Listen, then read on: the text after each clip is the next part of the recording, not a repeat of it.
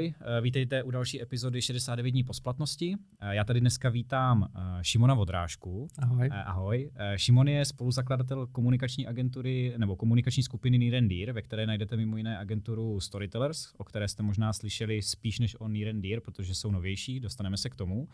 A vy jste vlastně Storytellers založili už v roce 2015. Mm-hmm. Zmiňuji teďka jenom tyhle ty dvě firmy, protože v té komunikační skupině toho je daleko víc a o tom se postupně budeme bavit. Takže ahoj, vítej v našem podcastu. A ještě jednou.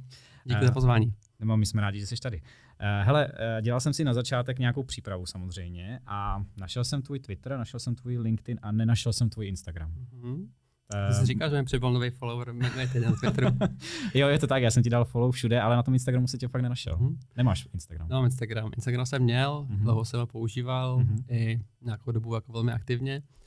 A potom vlastně, když jsem nějak jako vyhodnocoval, samozřejmě člověk prostě řeší, mm-hmm. jakoby, čemu, čemu věnovat čas a co mu vlastně přináší jakoby, nějakou adekvátní protihodnotu, tak mi vlastně jako Instagram přišel jakoby zbytečný mm-hmm. nástroj pro mě v osobním životě a používám ho tak, že vlastně uh, když prostě je to zajímá, se vložně jako najdu přes, přes browser nebo mm-hmm. se případně dívám přes moji snobbenky Instagram často na nějaké věci, ale jakoby osobně jsem ho vyloučil, protože mi přišlo, že vlastně jakoby čas, který jsem mu věnoval, uh, jsem mohl jako věnovat jakoby jiným věcem, měl jsem to větší hodnotu. uh, no je to jako v našem případě takový kontroverzní téma, protože uh, Storytellers jako takový dělá prakticky velmi podobné věci mm. jako Just Mighty, jsme ze stejného oboru a Instagram nás minimálně částečně živí, protože děláme Instagram našim klientům a e, nemáš ho ty a já ho mám, respektive mám profil a nepoužívám ho mám i odinstalovanou aplikaci, abych na něm netrávil čas přesně z toho důvodu, o kterým jsem mluvil. Takže pro mě je to takový zajímavý téma, jestli že mě za to lidi občas uh, jako popotahují, že jak je možný, že uh, majitel komunikační nebo kreativní agentury nemá Instagram. Rozumím, rozumím. A sam, samozřejmě jakoby jsi trošku jiný asi roli než já, mm-hmm. tím, že vlastně jako uh, Storytellers je naše první firma, mm-hmm. i největší firma, kterou jsme vlastně před uh, osmi lety založili, mm-hmm. ale zároveň uh, já už ní jakoby aktivně uh, nějakou dobu jako nefiguruju, že bych mm-hmm. udával uh, směr řízení té firmy a vlastně jakoby ani uh, ty služby, které Story dodává, tak vlastně jako nejsou to primární, co by mm-hmm. vlastně jakoby byl můj denní chléb. Takže jakoby nemám z toho žádný jakoby špatný mm-hmm. pocit, uh, že nemám Instagram. Myslím si, že to je jakoby každýho volba. Zároveň samozřejmě myslím si, že to je jako velmi vhodný nástroj pro určitou cílovou skupinu, uh, která uh, tam je a která to vlastně využívá a mm-hmm. má z toho nějaký dobrý pocit. Já vlastně jsem ho jakoby využíval velmi, velmi aktivně. Vlastně, když ještě v momentě jsme vlastně agenturu zakládali mm-hmm. i, i předtím, než jsme ji vůbec založili, protože Eh, já jsem vlastně už předtím tři roky pracoval vlastně v reklamě Hovasu, kde mm-hmm. jsem byl spokojený a vlastně mi to dalo velký, velký jako základ, nějaký jako uh, obecně, obecně reklamní do nějaké mojí kariéry. A tam mě to vlastně jako bavilo velmi. Uh, já jsem vlastně měl i tu možnost uh, být uh, přes léto na stáži v New Yorku, vlastně v centrále Havasu. Mm-hmm. A tam mě vlastně bavilo i jako sledovat, jak vlastně v Americe s tím pracují brandy, mm-hmm. jak tam vlastně jako vydávají různě i různý challenge skrz vlastně jako například Nike v té době dělal jako velkou reklamu, že byly v té době na vzestupu vlastně jako různý wearables mm-hmm. uh, a ještě, ještě vlastně jako uh, Apple Watch nebyly tak dobrý, takže mm-hmm. jsem experimentoval s různýma jako jinýma zařízeníma, mm-hmm. takže já jsem v té době si koupil v Americe tři různý tracking devices, abych to mohl mm-hmm. vyzkoušet mm-hmm. a vlastně například nějaký s tím pracoval velmi dobře s tou komunitou, že vlastně například na Twitteru, Instagramu i Facebooku teasovalo různé lokace takových vending machineů, mm-hmm. kde člověk vlastně mohl měnit různě jako nějaký fuel pointy za vlastně věci, které si vyběhal nebo vysportoval mm-hmm. a takže mi šlo mi vlastně zábavný jakoby sledovat sociální sítě, jak se jako aktivně účastnit uh, různých kampaní a i vlastně tím, že jsem byl vlastně zahraničí a část mých kolegů i rodiny prostě byla zvědavá na to, jakoby, co tam dělám mm-hmm. a jaký jsou zážitky, tak mi to přišlo takový jakoby, velmi jako dobrý, efektivní a milý nástroj vlastně jako sdílet mm-hmm. uh, zajímavosti, které jsme jako dělali v životě. No. Takže když jsi zmínil ten Nike, tak není to o tom, že by si smyslel, že Instagram není dobrý nástroj pro B2B. To vůbec ne. Myslím si, že vlastně jako každý uh, nástroj marketingového mixu má své užití a mm. myslím, jako, že když jsem se bavil s, různými lidmi, jak používají který nástroje, tak eh, když jsme třeba řešili nějaké hiringové kampaně pro vývojáře, tak mi mm-hmm. říkali i kolegové, že třeba ne u, u nás v firmě, ale mm-hmm. jsem, že už vlastně jakoby i firmy se například snažili uh, nabírat nový lidi skrz Tinder, že tam mm-hmm. prostě jako posílali svoje interní, jo, jo. In, interní prostě náborářky a myslím si, když se člověk jako zamyslí a nad každým tím kanálem podívá se na to, jaká je tam cílová skupina, tak jako využití mm-hmm. má rozhodně každý. A myslíš, že my dva pro ten Instagram dneska už cílovka nejsme, nebo se nám to spíš přejedlo, protože jsme toho měli plný zuby? Uh, myslím si, že jakoby, já už tak mám uh, spadám do kategorie, že už jsem vlastně, mm-hmm. takhle, vždycky jsem byl v kategorii milenial mm-hmm. a už mi bylo řečeno, že milenial jsou v dnešní době už takový bumři. Mm-hmm. No, ano. uh, takže myslím si, že to asi uh, na, na, na každý, uh, jak to vlastně jako má, Uh, ale mám spoustu jako lidí, kteří mm-hmm. jsou i ve stejné mm-hmm. věkové kategorii a využívají ho, mají pro to užití, takže mm-hmm. si myslím, že to spíš jako na osobních preferencích. Jasně. Co TikTok? Máš. TikTok, TikTok taky nemám, Nemáš. ale vzhledem k tomu, že tam tvoříme velký množství obsahu, mm-hmm. tak uh, sleduju to a vždycky, mm-hmm. uh, vždycky prostě sleduju, co tam děje, uh, vím, co tam tvoříme my a mm-hmm. uh, čtu si o TikToku různé věci, já vlastně jako aktivně, aktuálně jsem našel na Twitteru, mm-hmm. takže dívám se hodně na Twitter. Uh, Twitter jako teďka zajímavě začíná frčet. Přijde mi, že teďka, že to jako fakt se to jako hodně dlouhou dobu kulminovalo jo, jo. a teďka to zač, jako začíná vystřelovat nahoru. No. Já jsem vlastně začal používat zhruba před rokem, protože hmm. vlastně jako jsem ty nástroje, tak, nebo ty sociální sítě prostě vlastně jako různě zapínám a vypínám podle hmm.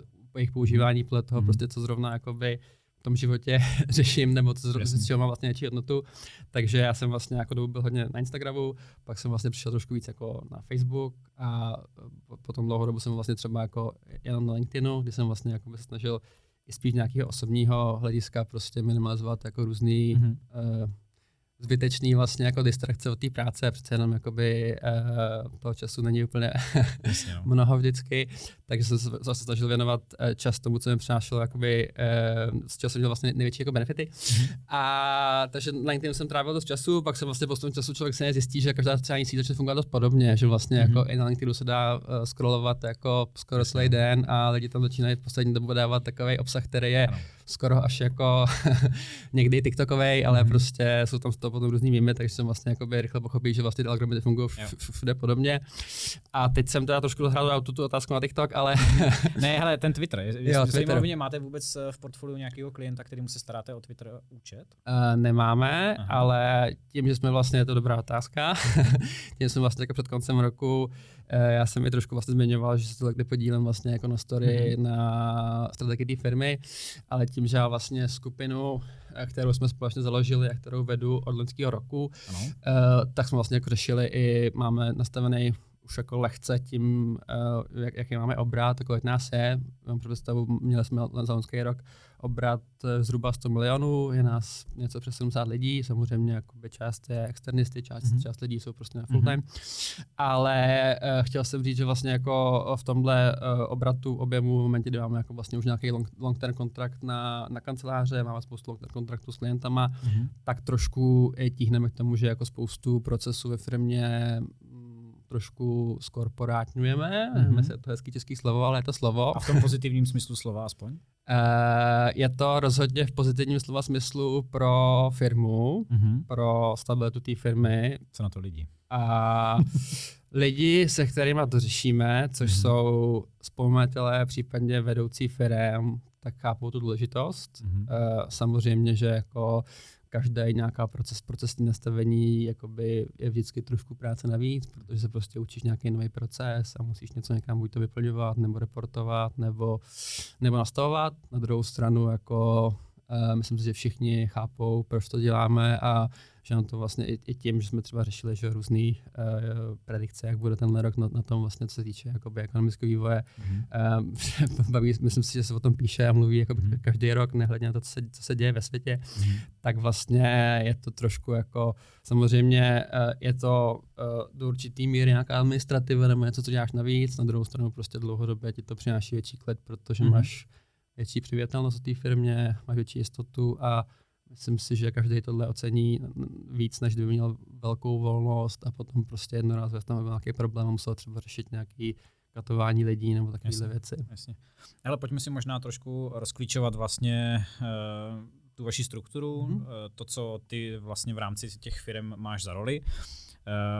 Vnímám nějaký jiný Rendier, což je hmm. nová komunikační skupina, která je nějaký umbrella brand pro všechny, kteří jsou pod tím. A pod tím máme například agenturu Storytellers, kterou jste založili 2015, ale pak i spoustu dalších firm, které se specializují na určité oblasti našeho oboru. Tak možná, jestli něco málo řekneš vlastně o tom, proč jste vůbec eh, do té uh, skupiny šli. Jo, určitě. Uh, skupinu jsme vlastně zakládali, uh, spouštěli, spouštěli jsme branding za covidu, takže to mm-hmm. bylo 2020 někdy mm-hmm. úplně na začátku. Já jsme to... Promiň, já si jenom vzpomínám, jsem telefonoval s, s Pierrem, což je tvůj uh, společník ano. vlastně v těchto těch firmách a bavili jsme se o tom, on mě o té skupině říkal do telefonu a říká, to tyho, teďka nikoho nezajímá, protože je covid, my to nemůžeme pustit ven a vím, že jste to potom pouštili o nějakou dobu později a jste to nachystali daleko dřív. No. Udělali jsme to takhle a vlastně samozřejmě člověk vždycky si říká, jako je tam s tím zpětá nějaká nervozita, hmm. uh, jestli ten čas, který tomu věnuje a energie na branding, focení, komunikaci a vlastně jako veškerý i interní věci, jestli to jako nepřijevnivé, jestli to jako bude mít ten efekt, mm-hmm. co, co mělo.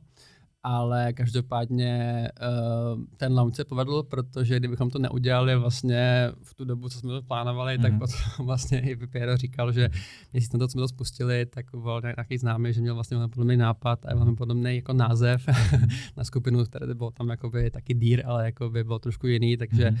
jsme rádi, že se nám to bylo také spustit a k tomu vlastně jak fungujeme. Uh, my jsme zakládali skupinu uh, s společníkama dvouma, s Pierrem a s Kubonovákem uh, v roce 2020 a jak jsme k tomu došli, uh, tím, že vlastně uh, story, story, story rostlo od začátku a vlastně zkoušeli jsme a dělali jsme uh, v rámci jako marketingového mixu víceméně všechno, co nám dávalo smysl, klientům dávalo smysl a dokázali jsme to dodat jako v úrovni ze kterých bychom, byli nervo, ze kterých bychom nebyli nervózní do posledního dne, se nám to podaří odbavit, takže jsme vlastně zkoušeli různé věci.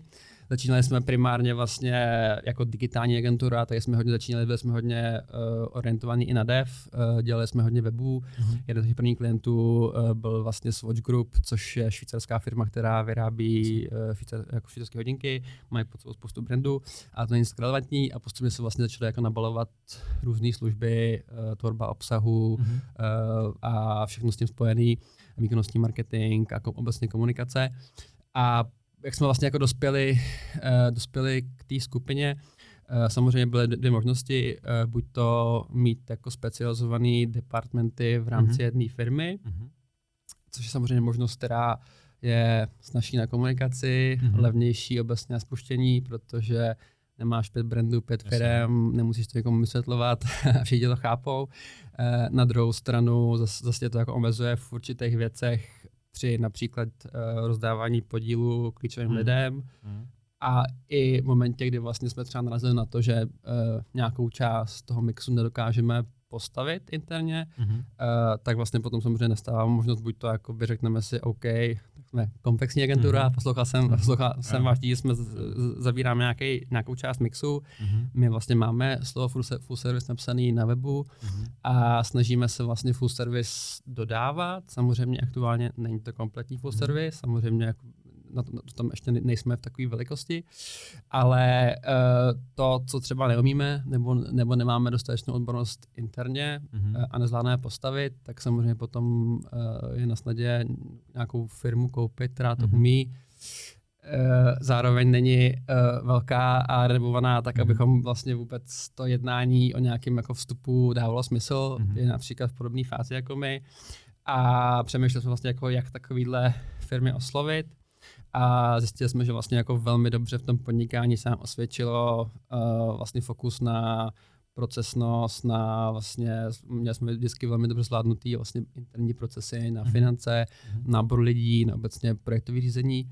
Mám pocit, že jsme vlastně na tom spolupracovali jo, jo, jo. I, i s váma, když, když, když jsme vlastně jako uh, hodně investovali do interních nástrojů, který jsme mm-hmm. třeba některý vyvíjeli i na míru a mm-hmm. potom v momentě, když člověk vyvíjí aplikaci, jenom pro jednu firmu, dá tomu jakoby velký množství hodin, tak samozřejmě přemýšlí, Jasně. jak třeba dostat zpátky nějak, nějakou hodnotu, tak jsme to i uh, implementovali ostatním firmám, uh, samozřejmě za, za nějakou platu. A kam tím směřuju, uh, vlastně uh, skupina uh, aktuálně funguje tak, že se to združuje to, co nám to vždycky nejlíp, to znamená mhm. vlastně ten firemní servis pro, pro agentury mm-hmm. a agentury se můžou tím pádem specializovat na to, co umějí oni nejlíp, mm-hmm. a to je vlastně jako ve story, mm-hmm. tvorba obsahu a kreativa, Uh, nebo jsme například koupili uh, PR kód, to jsme, to jsme vlastně spouštěli i tak skupinu, mm-hmm. jsme mhm. vlastně chtěli vstoupit majetkově mm-hmm. do, do PR, který jsme potřebovali. I jsme měli vlastně dvě agentury vytipované, jedna se nám líbila, zkusili jsme si nějaký společný projekt a dávalo smysl vlastně koupit půlku té firmy, dát ji do skupiny, ale skupovat jako přes tu jednu firmu bylo, by bylo mm-hmm. jednak lehce komplikovaný a zároveň asi i z, jako z hlediska nějakých biznesového trošku jakoby hloupý, protože jo. po tom momentě, kdy třeba by to nefungovalo, musel by se nějak řešit, tak prostě to ne, není to úplně jako ideální. No. No mě právě zajímalo, jestli jako do jaké míry je vlastně ta eh, skupina, která je nad všema těma firmama vlastně uměle vytvořená a je to jenom o tom, že děláte nadále úplně to stejné, co doteď, akorát jste si to rozdělili mm. do týmů, který se nějak pojmenovali a obrandovali a nad tím vznikla nějaká umbrella, anebo do jaké míry je to opravdu o o tom investorském rozměru, že vy hmm. opravdu přijdete za někým úplně cizím, jo. koupíte část a dostanete ho dovnitř do té skupiny. Jo.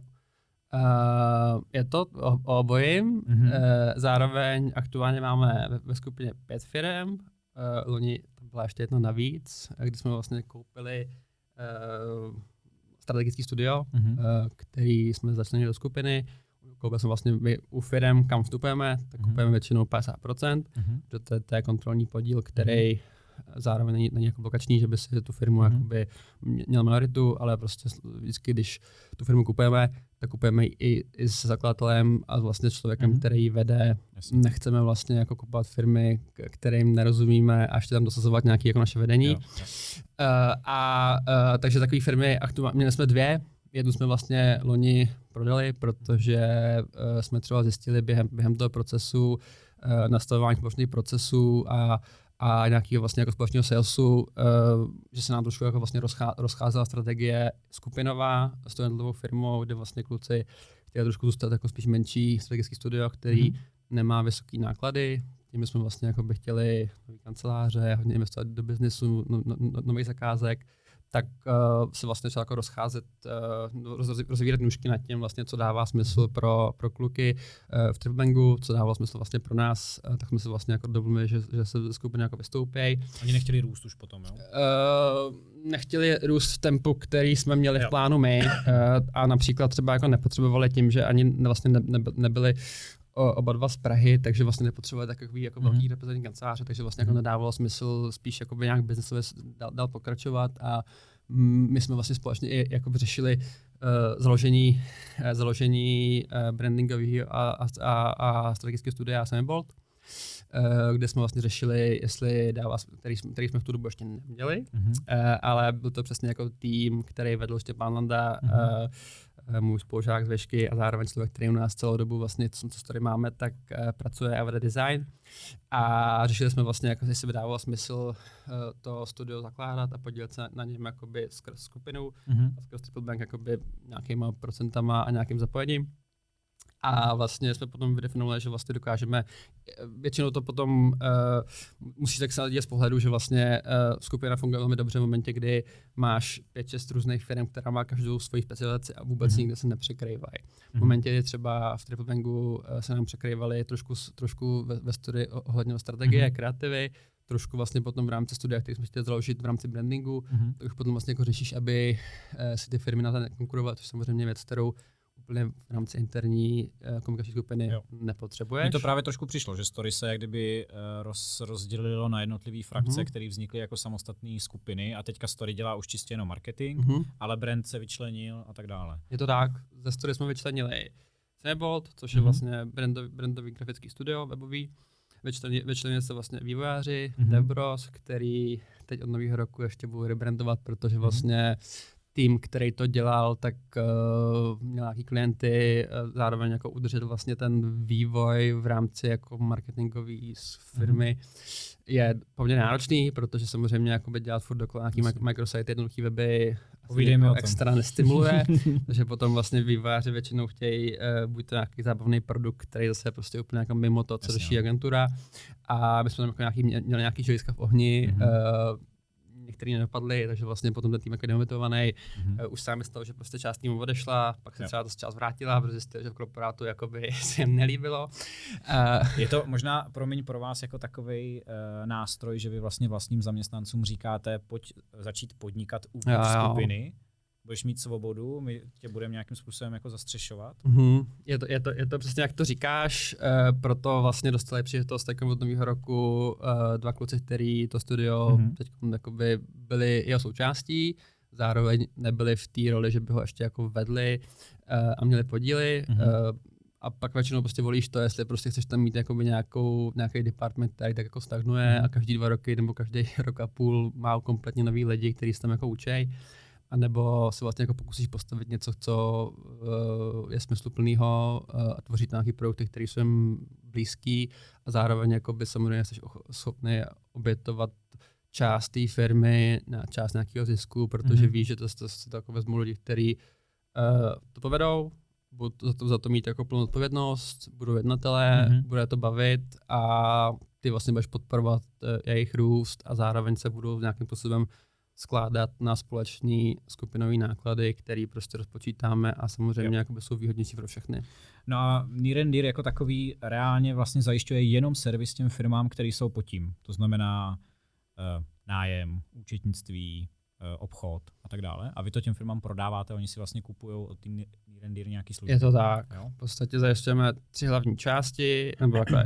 Já, já vedu skupinu mm-hmm. a mám vlastně pod sebou uh, tři lidi na pozici direktor, to znamená, mm-hmm. že pozice direktorská už je taková, že ji nemusím jako supervizovat na týdenní bázi, ale prostě máme jasně stanovený oblasti, uh, k čemu se věnují mm-hmm. a co přinášejí. Takže máme people direktora nebo HR direktora, mm-hmm. Nikolu která vlastně uh, vede a servisuje HR skrz všechny naše firmy. Mm-hmm. Máme Karol Dečkovou, která se k nám vrátila vlastně loni uh, a ta vede New Business uh, a potom má vlastně jako finance directora, který vede kompletně mm-hmm. finance a účto v, v koordinaci s UOLem mm-hmm. uh, pro všechny firmy. Takže jako tohle servisujeme, zřizujeme office, office k tomu ještě nad rámec a vlastně velký benefit pro ty firmy je samozřejmě, že mají tohle všechno zařízený, já bych řekl v top kvalitě, protože uh, když tam jako něco třeba je specifického nebo něco nefunguje, tak prostě řešíme, jak to mm-hmm. popravit. A,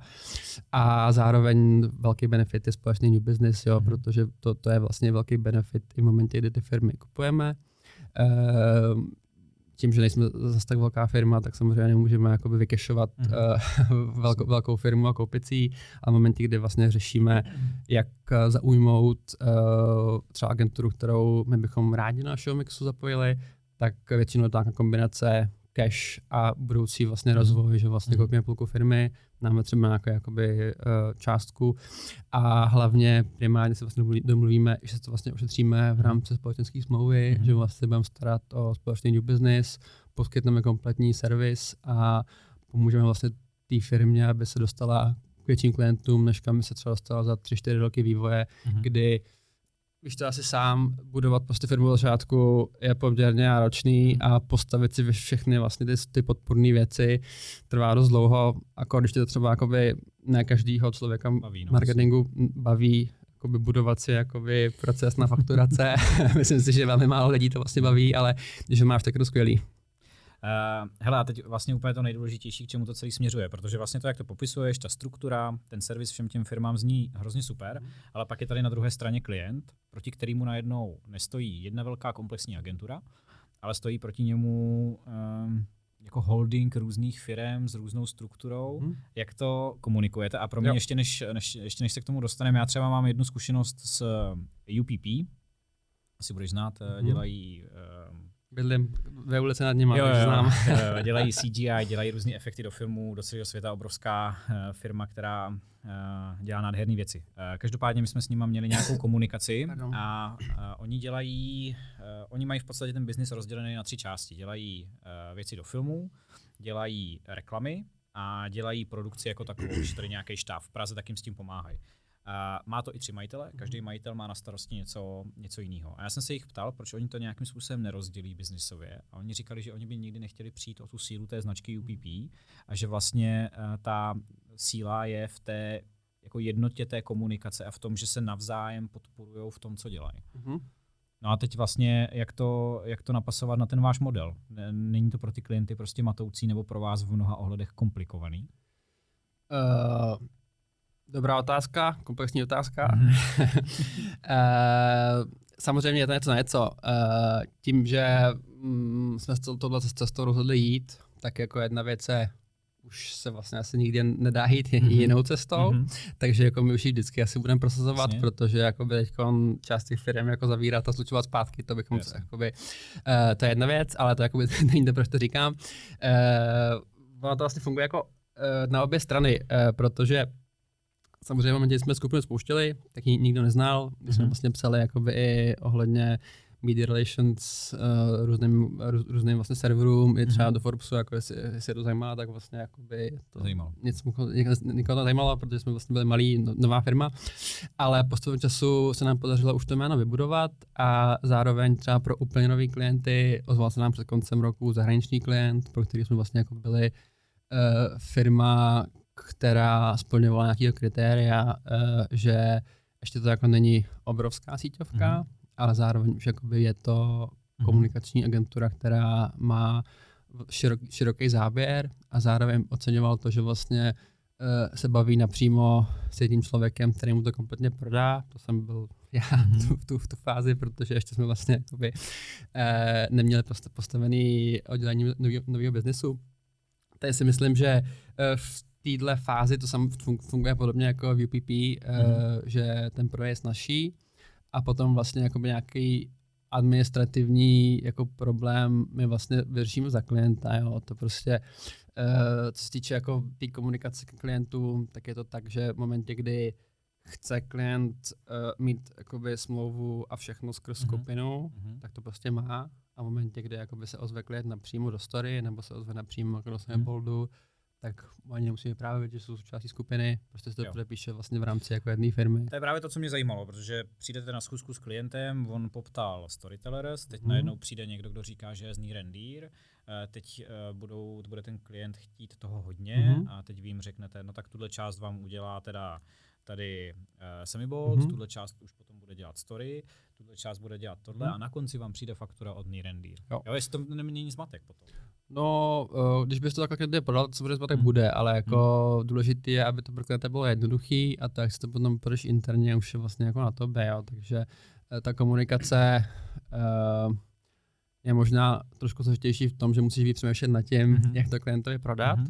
ale v momentě, kdy uh, prostě nám uh, přesně přijde poptávka na story a příklad prostě před rokem šla nám poptávka od Budvaru mm-hmm. na story, že chtěli vlastně od nás jako weby, které jsme s nimi dělali, tak jsme vlastně jako podali nabídku, vlastně napsali jsme, že se tam účastníme jako, jako story, zároveň dali jsme rovnou uh, prezentaci do brandingu nově vznikajícího studia, který ještě nemělo ani SROčko. Mm-hmm na schůzce jsme to prezentovali a klientovi vlastně bylo úplně jakoby jedno, jestli to podepíše se story nebo se Envoldem, mhm. dokonce jim ani nevadilo, že to SRAčko ještě neexistuje, mm-hmm. tak jsme ho prostě obrtem založili, mm-hmm. udělali jsme smlouvu jako napřímo a že jsme, takže, takže si myslím, že jako uh, pokud člověk tam jako samozřejmě chce hledat ty komplikovanosti, tak je tam najde, ale reálně jsem se jako nesetkal s tím, že by to někoho jako odradilo, spíš naopak. Eh, když se někdo ozve do story, eh, jdu na schůzku, tak většinou mm-hmm. já tam ani nechodím, nebo mm-hmm. uh, případně Karol, která má aktuálně uh, mm-hmm. na starosti vlastně new business, protože pokud jako vložně chce klient jenom kreativu, obsah, mm-hmm. tak nemá smysl, aby tam byl další člověk, na který by prostě tam dával vizitku a říkal, hele, jsme skupina, přijďte na kafe. Já právě přemýšlím, jestli vy máte ten, ob, ten sales nebo obchod máte uh, pro všechny napříč stejný, anebo každá z těch firm si ten obchod řeší sama? Obojí. Obojí. Protože já přemýšlím, jak eh, řešíte nějakou kanibalizaci, aby potom jo. uh, si ten Semibolt, uh, jako si, nebo je vám jedno, jestli si Semibolt prodá něco sám na sebe a vyfakturuje, anebo to musí vždycky všechno přes skupinu? Vůbec ne. Jakoby fakturace vlastně jako přes skupinu mm-hmm z mého pozice není žádoucí, protože to mm-hmm. musím fakturovat, přefakturovávat, mm-hmm. takže prostě mm-hmm. když je to prodá se nebo napřímo, mm-hmm. a pak když se smlouvu vyfakturuje to, tak jakoby je to no, úplně, úplně okay. optimální, je s tím, je s tím míň, míň vlastně, uh, nevím, proč by to mělo vadit, jo, protože to, že tam třeba v té firmě nemáme 100%, jakoby neznamená, že tam máme nějaký jako nižší záměr tu firmu jako pušovat, jo. Jasně. Takže uh, sales funguje tak, že uh, každá firma si dělá svůj vlastní sales, protože jsou to prostě odborníci uh, na daný téma a umě to prodat nejlíp. Zároveň, když potřebují, tak si řeknou o support, a nebo v momentě, kdy se prodává víc než jako jedna služba, kterou, kterou vlastně nabízí, víc než jedna služba v rámci skupiny, to mm-hmm. znamená, že kdo poptává vlastně dvě firmy, mm-hmm. tak už to spadá pod skupinový sales a dává se to podávat vlastně jako pod jedním brandingem, že prostě Jasně. je to snaží pro klienta a potom my už se vlastně postaráme o nějaké interní věci. Jasně. Hele, kdo to řídí jako celek? Protože předpokládám, že eh, jak si popisoval tu st- strukturu, tak někde na vrcholku musí být nějaký jeden člověk, který to drží pohromadě. To jsem já. To jsi ty. Hmm. Jsem ti nahrál. to jednoduchá jsem ti nahrál. odpověď. to jsem ti nahrál. A jaká je role Piera dneska? Uh, tak, výborně. Uh, teď, teď se opět mi nahrál. Uh, my vlastně skupinu eh, máme jedno seročko, Mhm. mm-hmm. zároveň jsme to vlastně před rokem, eh, kdy jsme si uh, s Pierrem vlastně rozdělili role v rámci skupiny, Mhm. mm-hmm. uh, tak jsme ji štěpili na dvě části, které ale komunikujeme pouze v rámci vlastně komunikace. Mhm. Mm-hmm. Seročko je jedno a jedna část vlastně byla komunikační, kvůli který jsem tady, o který se bavíme, protože to Mhm. je vlastně firma, která, mm-hmm. Která uh, dělá marketing pro klienty nebo komunikaci. A druhá část, která vlastně jakoby komunikace ani nemá, tak je vlastně jakoby ta, kterou, kterou vede Piero a nazvali jsme ji interně a následně i uh, veřejně Ventures. Mhm. A to je vlastně ta investiční. A proč vlastně nemá smysl komunikovat? Protože aktuálně vlastně slouží jako takový inkubátor mm, nových firm. To Mhm. znamená, že když bychom aktuálně, nejme tomu, chtěli řešit víc influence marketing a nedařilo se nám třeba postavit v rámci story jako velký oddělení, tak se můžeme vlastně podívat, jestli dává smysl třeba vstoupit do nějaké agentury a Mhm. spolupracovat na tom. Takže je tam spoustu vlastně takové práce spíš na M&A, na, na, na fúzi, na akvizici té společnosti, která je prostě na Pierovi za firmu, jako za biznis a na našem právníkovi, který drží vlastně tyhle věci. Mhm. A je to věc, která vlastně není potřeba komunikovat, protože není moc sexy a vlastně jakoby ni- nikomu ji neprodáváme. Jo? Jasně. Ale, ale slouží nám velmi dobře k, k vlastně podpoře toho našeho podnikání. Zároveň, eh, když by se šel na náš web, tak si všimne, že vlastně Ventures část eh, tam má nějaké projekty, které už fungují a Mhm. které vlastně se jako netýkají marketingového podnikání. Uh, máme tam vlastně surfový krám a obchod Surfer. Krám a obchod, myslel jsem vlastně Mhm. kavárnu a obchod, Mhm, mhm. kdy vlastně vyrábí, vyrábíme a prodáváme surfové oblečení. A měli jsme tam, ještě tam pořád máme, ale budeme dostahovat vlastně Bistro, který, který zložil náš třetí společník, uh, ale tím, že se vlastně ukázalo, že gastro je velmi tv- tvrdý, tvrdý podnikání a uh, nebyly asi proto úplně loni optimální podmínky, tak jsme zase ten projekt zavřeli a ten z toho profila mizí, takže vlastně jako samozřejmě se může stát, i když v momentě investuješ nějaký kapitál a zkoušíš, zkoušíš vlastně věci mimo to, co umíš, což je ta, což je ta reklama, Mhm. takže prostě se to ne vždycky povede. Zároveň už máme za sebou projekty, které se povedly. Mhm. Uh, zmiňoval si, že možná dneska nakousneme i téma desítky, Mhm. kdy vlastně mm, jsme vystoupili uh, mimo naše podnikání poměrně jako záhy po tom, co jsme, co jsme ho spustili. Jo, dostaneme se, dostaneme Dostan- se k tomu. dostaneme se k tomu, no. Uh, hele, uh, ještě chtěl bych vypíchnout jedn, dvě služby, které děláte a chviličku se o nich pobavit obecně, jaká je jejich budoucnost marketingu v Česku. Ta první je, vy máte uh, videoprodukci VNV, nebo více než video. Uh, jaká je budoucnost videa v marketingu? Budoucnost videa marketingu. Je to čím dál důležitější a nejde to bez toho? Uh, myslím si, že rozhodně. Uh, nemyslím si, že to je jenom o videu, ale obecně o pohyblivém obsahu, když to řeknu vyloženě jako Mhm. nějakou definicí. A uh, pro mě jakoby video je skvělý formát, který vždycky mít uplatnění. Mhm.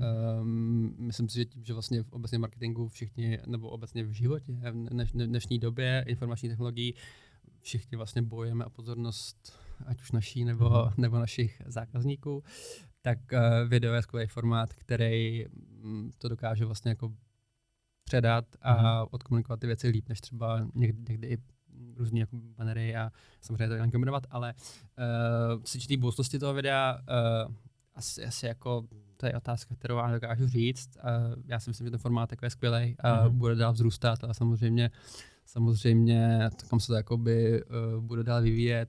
Firmy investují obrovské částky do různých jako Mhm. metaverzů a do různých platform ale prostě, takže jak, jak se to vyvíjí, jako, jak se bude to video konzumovat, mm-hmm. nebo jak, jak bude fungovat, co, co bude nejít vydělávat, co bude nejít monetizovat, to nevím, ale rozhodně to formát, který prostě vždycky bude skvělý a já vlastně můj, můj, můj starší brácha je režisér uh, reklamních spotů a mm-hmm. teď, už, teď, už, teď už je filmu, takže vlastně mám, mám velmi blízko vlastně k té mm-hmm. audiovizi, mám tam spoustu kamarádů a uh, vlastně myslím si, že v rámci českého rybníčku máme vlastně jako nadprůměrně dobrý uh, filmové podmínky mm-hmm. a vlastně to, co se tady jakoby dělá, tak se opravdu dělá jako na světové úrovni, jak už vlastně v reklamě nebo v obecně vlastně v audiovizi.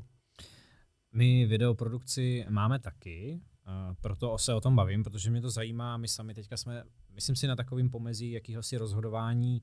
Když jsme zakládali eh, naši videoprodukci, tak ta vize byla samozřejmě velký televizní spoty, mm-hmm. velký reklamní spoty. A udělali jsme jich spoustu, ať už pro Škodovku, Nutrend, Ecofolu nebo spoustu dalších. Ale myslím si, že vlastně možná uh, tudy cesta nevede, respektive tady ty velký reklamní televizní filmové spoty tady budou vždycky ale my potřebujeme čím dál víc tvořit rychlý videa, krátký videa, obsah. videa na výšku, obsah, pravidelný obsah. Jestli je to možná něco, uh, kam směřujete i vy s tím mm-hmm. videem? Je to další, jakoby, mm. jak se vlastně mm-hmm. narazil ten Twitter, já jsem to tam mhm. možná nepověděl, ale mm. vlastně jsme si vydefinovali pro každou firmu, já jsem to zamluvil vlastně v rámci toho korporátu, ale uh, v rámci třeba PR jsme si vydefinovali, že dává velký smysl vlastně začít podávat Twitter, protože mhm. hodně funguje a v rámci mhm. toho daného podnikání je to skvělý. Uh, v rámci story jsme si například vydefinovali, že vlastně klienti po nás chtějí spoustu pohyblivého obsahu, když to mm. jako tak nějak zaobalím. A zároveň uh, nedává moc velký smysl investovat do ní obrovský peníze, protože prostě v momentě, kdy se jako udělá jeden drahý spot a je z malého formátu, tak to prostě neplní číslo, který má.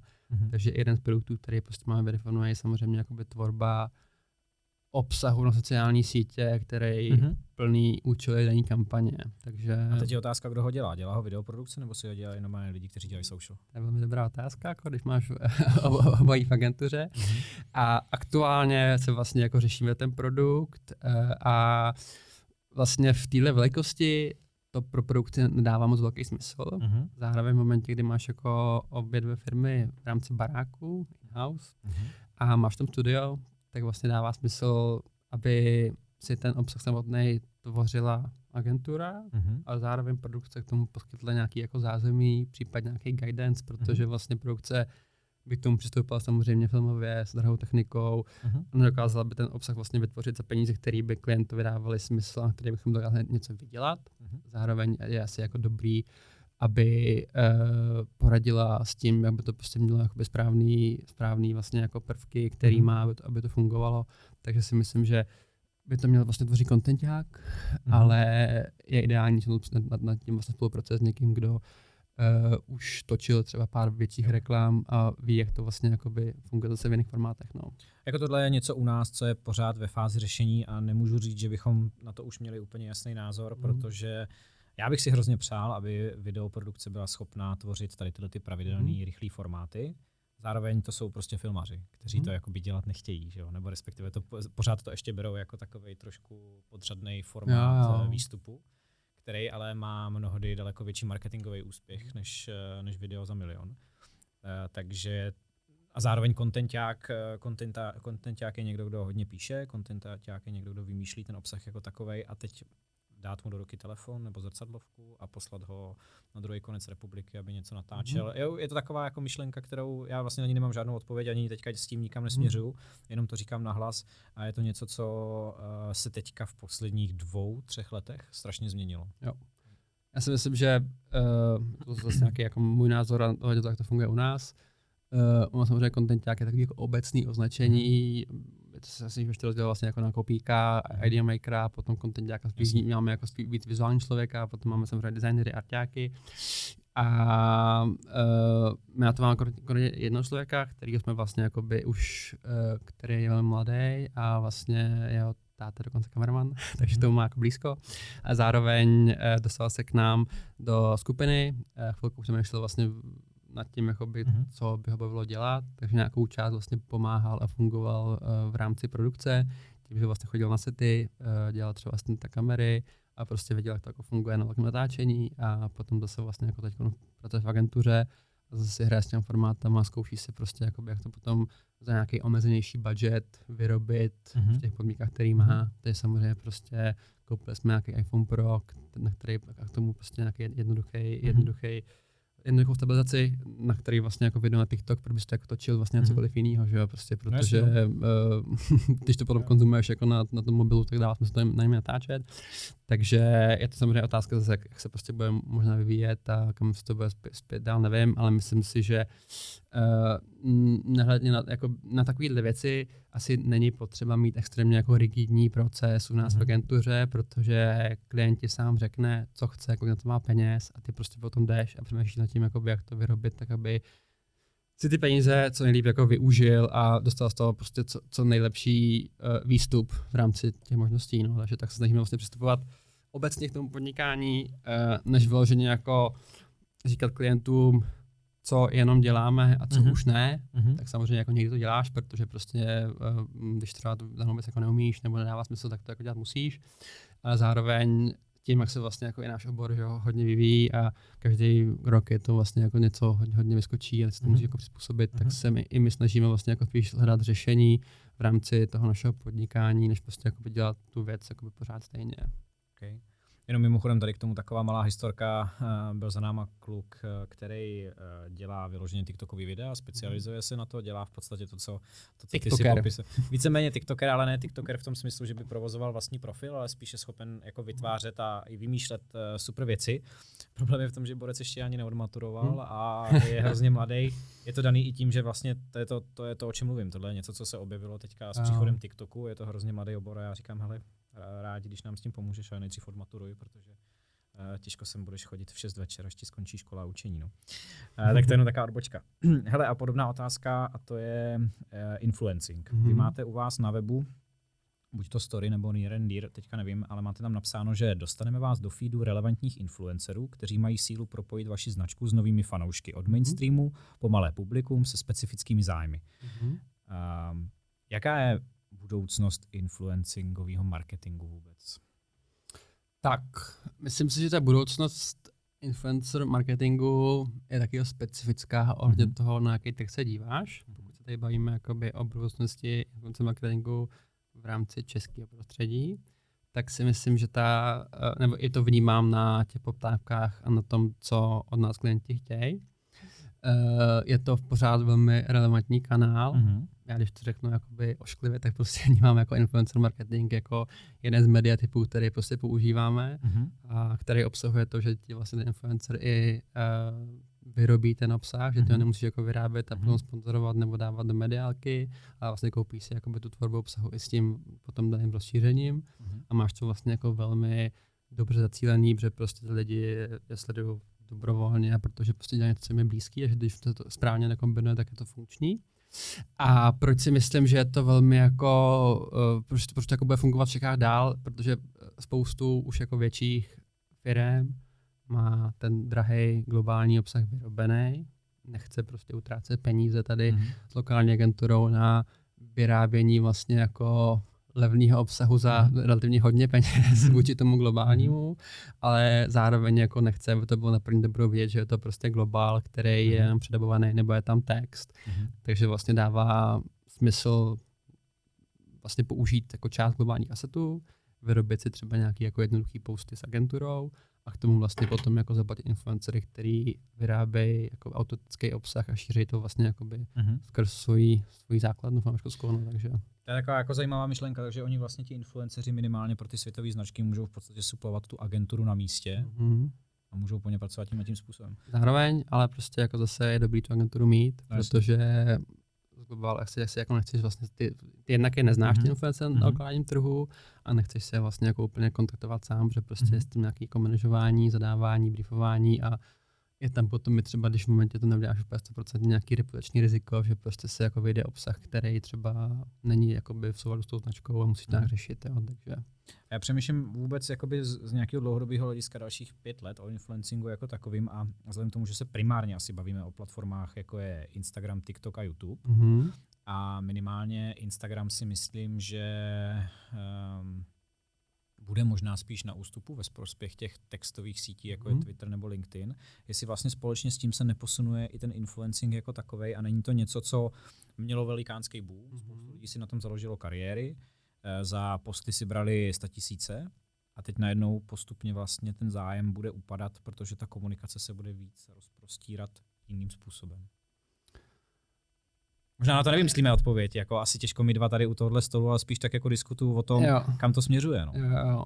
Eh, roz, rozumím ti a zároveň jako myslím si, že se tak objevil i třeba loňský rok nebo prostě uh, poslední dva roky Mhm. i hodně vlastně influencerů třeba na témata, které dřív nebyly vůbec jako sexy. Objevilo se spoustu jako influencerů, který Mhm. třeba raději s nějakýma investicema, Jasně. takže vlastně objevilo se nějaký jako téma skrz celou společnost, což prostě byla jako vzrůstající inflace, prostě nějaké jako ekonomické věci a spoustu nějaký jako populace, která prostě v tom Mhm. není edukovaná. Jo? A zase, Takže možná už jsou influenceři lidi, který bychom tak uh, neoznačili, ale vlastně jsou.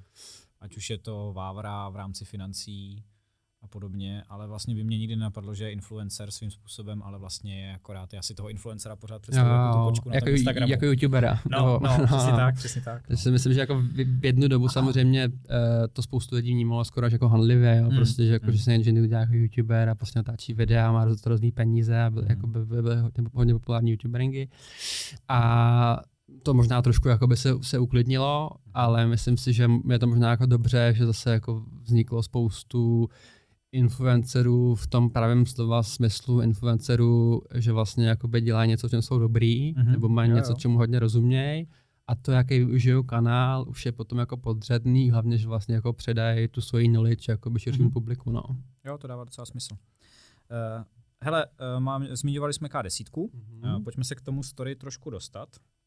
Um, jenom dám takový rychlej úvod. Uh, K10 je coworkingový prostor, krásná prvorepubliková vila na Vinohradech Mm-hmm. uh, v Praze. Pražáci ji budou znát pravděpodobně, možná budou... Doufám. No, d- jasně.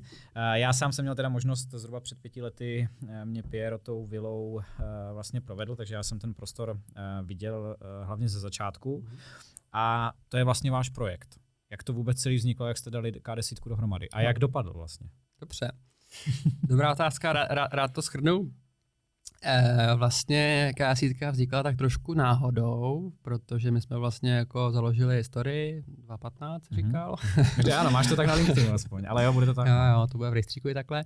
A eh, tím jsme vlastně jako vznikli a velmi rychle jsme začali prostě růst, protože prostě jsme získávali jako nový, nový zakázky, Mhm, měli jsme mhm. vlastně jako velmi nízký náklady na všechno, prostě na kanceláře, na, na nás, na, na naši lidi, tak to jako velmi rychle začalo růst. A prostě během jako roku jsme ze, ze tří lidí prostě bylo asi 15 a měli jsme prostě jednu kancelář, jsme se jako už nevešli.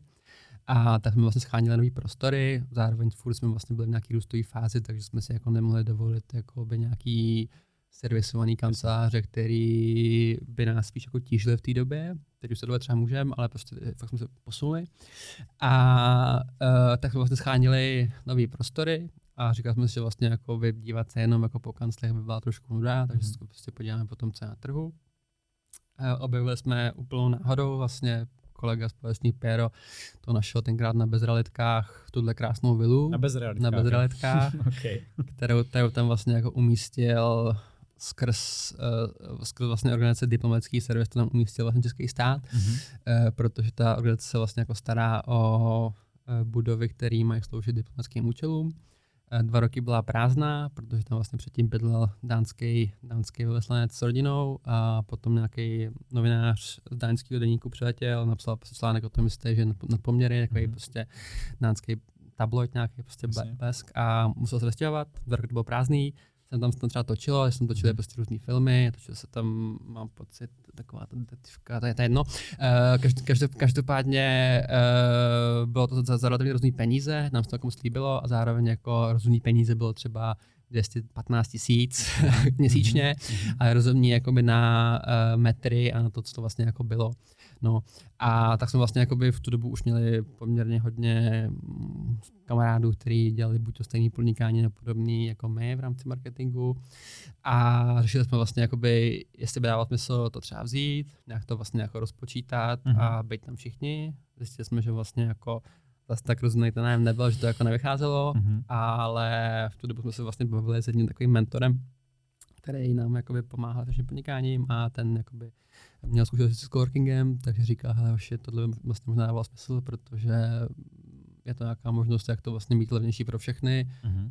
A znamená to jenom to, že tam založíte coworking. to jsme vlastně nakonec udělali. Uh, bylo to jako zábavný, protože se nám vlastně podařilo ještě před otevřením uh, se na kontrakt s americkou firmou Remoteer, která tam vlastně vozila každý měsíc jako 80 uh, eh, američanů, kteří mm-hmm. vlastně jako cestovali celý rok po světě a mm-hmm. Platili pěkné peníze. Uh, bylo zábavné to, že vlastně se nám podařilo ty prohlídky tam mít, jako vyloženě, že jsme se domluvili s tou že budeme mít prohlídku a pozvali jsme prostě 100 lidí, kteří se šli podívat na ten prostor, abychom si ověřili, jestli to má, má nějaký jako potenciál. No a abych to zkrátil, tak prostě vlastně jsme Konex spustili, vybudovali, uh, byl úspěšný, má to krásnou zahradu a potom vlastně to začalo být poměrně dost jako provozně náročný a velký jako defokus v rámci našeho podnikání.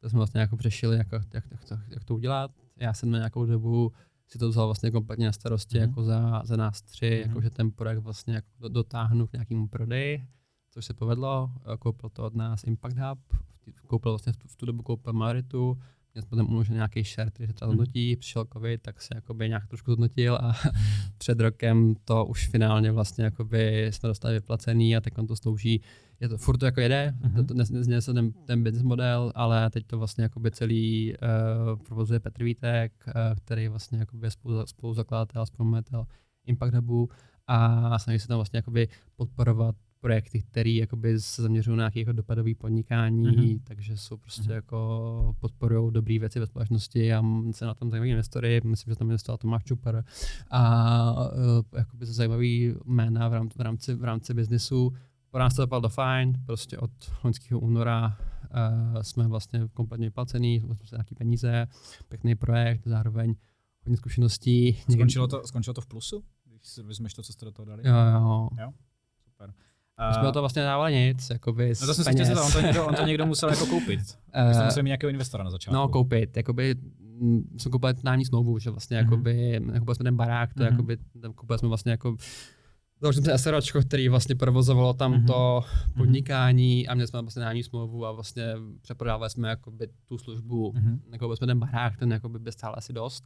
Ale nějaká investice tam by asi musela. Jo, jo, měli jsme prostě investora, který tam mm-hmm. naspal peníze, pak jsme ho vlastně jako vyplatili v momentě, kdy tam ty peníze nasypal Impact Hub a potom vlastně mm. jakoby vyplatili jsme ten zbytek našich podílů, takže ano, pro nás jako pro fyzické osoby jsme na tom v plusu a ty investory se tam jako různě vlastně jako měnili, ale ano, firma prostě vydělala peníze, takže prostě jako projekt je to úspěšný. Eh, zároveň jako v tu dobu, kdy jsme ho budovali a do toho jsme nám vlastně hodně rychle rostla agentura a do toho buduješ nějaký nový podnikání, prostě fyzický, kde máš hodně lidí, je tam prostě přesně ten měsíční nájem, který si jako vždycky musíš platit tak to bylo teda jako hodně náročný uh, a já jsme co dělat, abychom to jako všechno zmanažovali. No. uh, takže ta původní uh, motivace byla, chceme super prostory, ale nemáme prachy, jo. ale nebylo to, pojďme udělat cowork. Ne, ne, ne, jo, to z toho vzniklo, pro vás. tak trošku omylem. ale zároveň si pamatuju, že myslím, že už před těma pěti lety, když jsem tam byl na prohlídce, tak vy už jste tam nebyli, protože jste, jste tam nevešli. Jo, jo, vlastně velmi záhy jsme se spočítali, že uh, se nám jakoby... Vyplatí si vzít někde něco jiného a tam to pronajímat. Přesně tak, no, takže vlastně jsme si našli prostory tam vlastně pod kopcem, je to bylo to prostě jo, jo. 500 metrů, no, no 500 metrů od coworkingu, jsme vlastně měli jako celý náš tým, zároveň jako coworking prostě funguje do nějaké velikosti týmu. Když vás prostě 4-5, to je úplně ideální, máte mhm. tam prostě jako vlastně flexibilní kancelář, zvete si tam klienty, máte tam velké zasedačky, takže vlastně pomohlo nám to i v tom růstu, jsme si tam prostě pozvali klienta ze Švýcarska, jsme si prostě velkou sedačku, řekli jsme prostě, hele, tady ty lidi u nás pracují a tamhle ty, což ani nebyly naši lidi, to pracují taky, abychom prostě vybudovali jako nějakou důvěru v tom, že jsme vět, jako větší firma, klient byl spokojený, prostě... Eh, Fake it till you make it. Přesně, ano. jakoby, eh, a eh, zabralo to a zároveň prostě po tom momentě, když prostě máš 20 lidí a teď prostě s tím jakoby nějak máš dívat ty prostory s ostatníma, tak je to takový jako nekomfortní pro ten mm-hmm. tým, tak jsme mm-hmm. se prostě našli něco, co bylo v dochozí vzdálenosti, protože jsme tam vlastně chodili na schůzky a mhm. měli jsme takový jako front prostě mm-hmm. a mhm backend a back office Jasně. nám se dělá prostě dva kousek dál. uh, přemýšlím nad tím, kdyby ta příležitost přišla dneska, ve chvíli, kdy máte Rendir, máte hmm. Ventures, jestli byste to neuchopili jinak, lépe a neměli to jako jeden z dalších projektů v rámci celé skupiny. A nepustili byste to. Spuštění biocoworkingu. Hmm, obecně, jako kdyby přišla možnost vybudovat K10 loni, hmm v rámci skupiny, jestli by to pro vás, jako jestli jste si nevzali jo. moc velký sousto moc brzo. Tak. Rozumím. Uh, je to dobrá otázka a má spoustu jako různých scénářů a odpovědí. Já si myslím, že hlavně jako jsme se hodně posunuli i, i, na, i naše firma v tom jako jednak, co děláme, co umíme, mm i v tom, jakoby, co víme, že umíme a v tom, co se dokážeme odpustit, do čeho se jako nepouštět. Takže kdyby ta příležitost přišla teď, tak bychom tomu přistoupili rozhodně jinak, v tom, že bychom jakoby nejprve si udělali vlastně nějakou analýzu, jestli to, ta situace na trhu tomu odpovídá, protože bychom vlastně byli trošku opatrnější v rámci toho, že tam budeme investovat jako vlastně velké množství času, peněz, všeho. A třeba bychom zjistili, že vlastně jakoby ten trh coworkingu je nasycený a vlastně bychom ty peníze vyhodili, tak bychom to ani jako neudělali, jo, protože opravdu jsme měli trošku štěstí v tom moment, že vlastně ten trh, který vůbec vlastně jako byl, bylo to hrozně málo těch prostorů, teď mm. vlastně jako dobrých coworkingů hrozně moc a jsou fakt skvělý, teď jsem prostě byl, byl jsem víkendu taký kavárně s coworkingem a byl jsem překvapený jakoby na jako vysoké té úrovni, takže pokud bychom se bavili o nějakém jako tom přesně stejném podnikání, tak vlastně nevím, jestli bychom to udělali. Zároveň vím, že kdyby to dávalo smysl, tak bychom to asi Eh, dokázali udělat trošku říze, řízenějš a trošku možná s menším stresem, protože bychom šli víc jako najisto. Takže mm. jako uh, když bychom, kdybych se tak prostě o to, třeba kde je trh a že bychom opravdu měli jako skvělý nápad a dávalo by nám to smysl, tak bychom to asi dokázali postavit a třeba si, třeba si i nechat. Mm. Zároveň jako uh, tím, že máme jako omezený investiční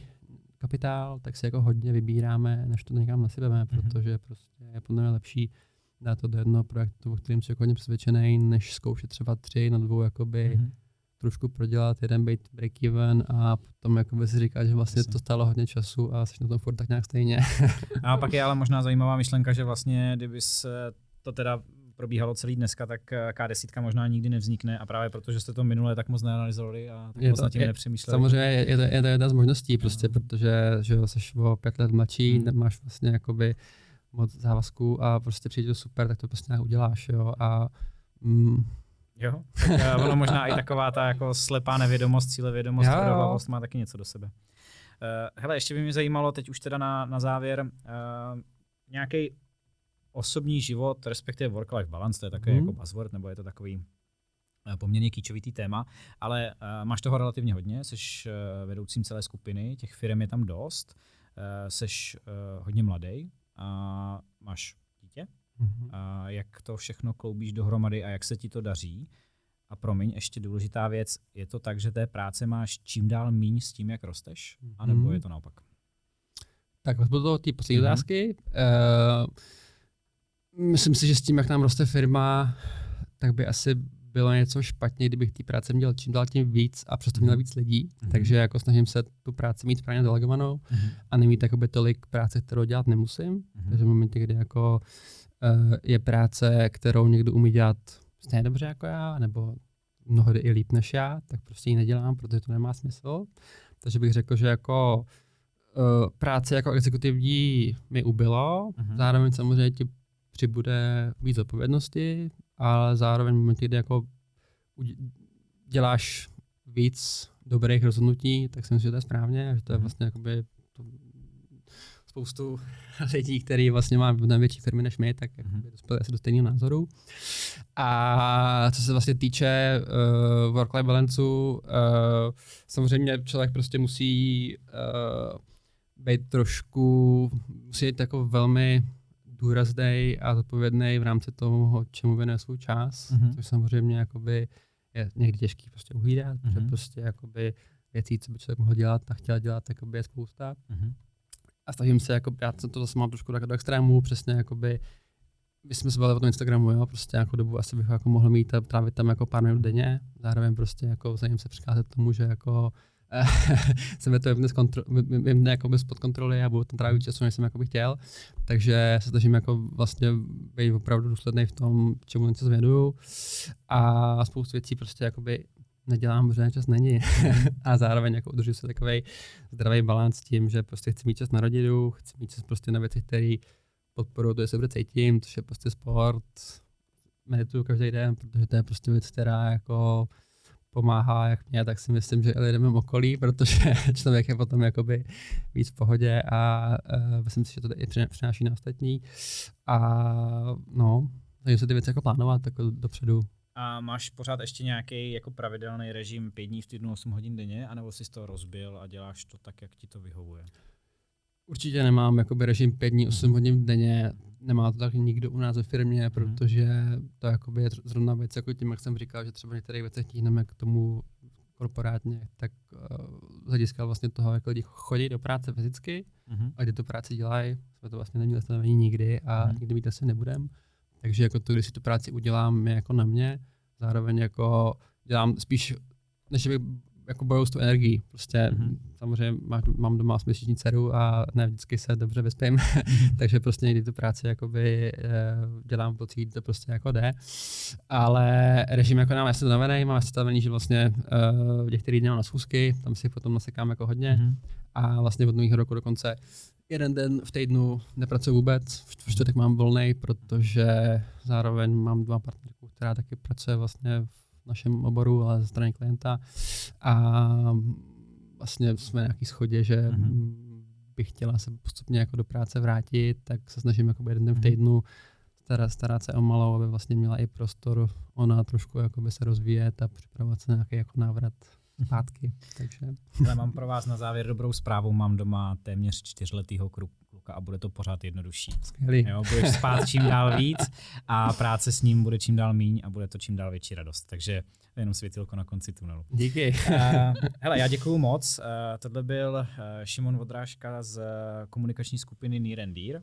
A já moc děkuju za rozhovor. Díky taky za, za pozvání, za rozhovor. Děkuju. Těším se, kdy třeba příště, za pár let. Díky. Díky moc, že jste to doposlouchali až sem. Uh, tohle je podcast 69 dní po splatnosti a jestli se vám líbí, tak nám určitě dejte follow nebo like a neunikne vám žádný nový díl. Můžete nás sledovat taky na sociálních sítích nebo na webu uh, justmighty.cz. Moje jméno je Tomáš Pol a budu se moc těšit u další epizody.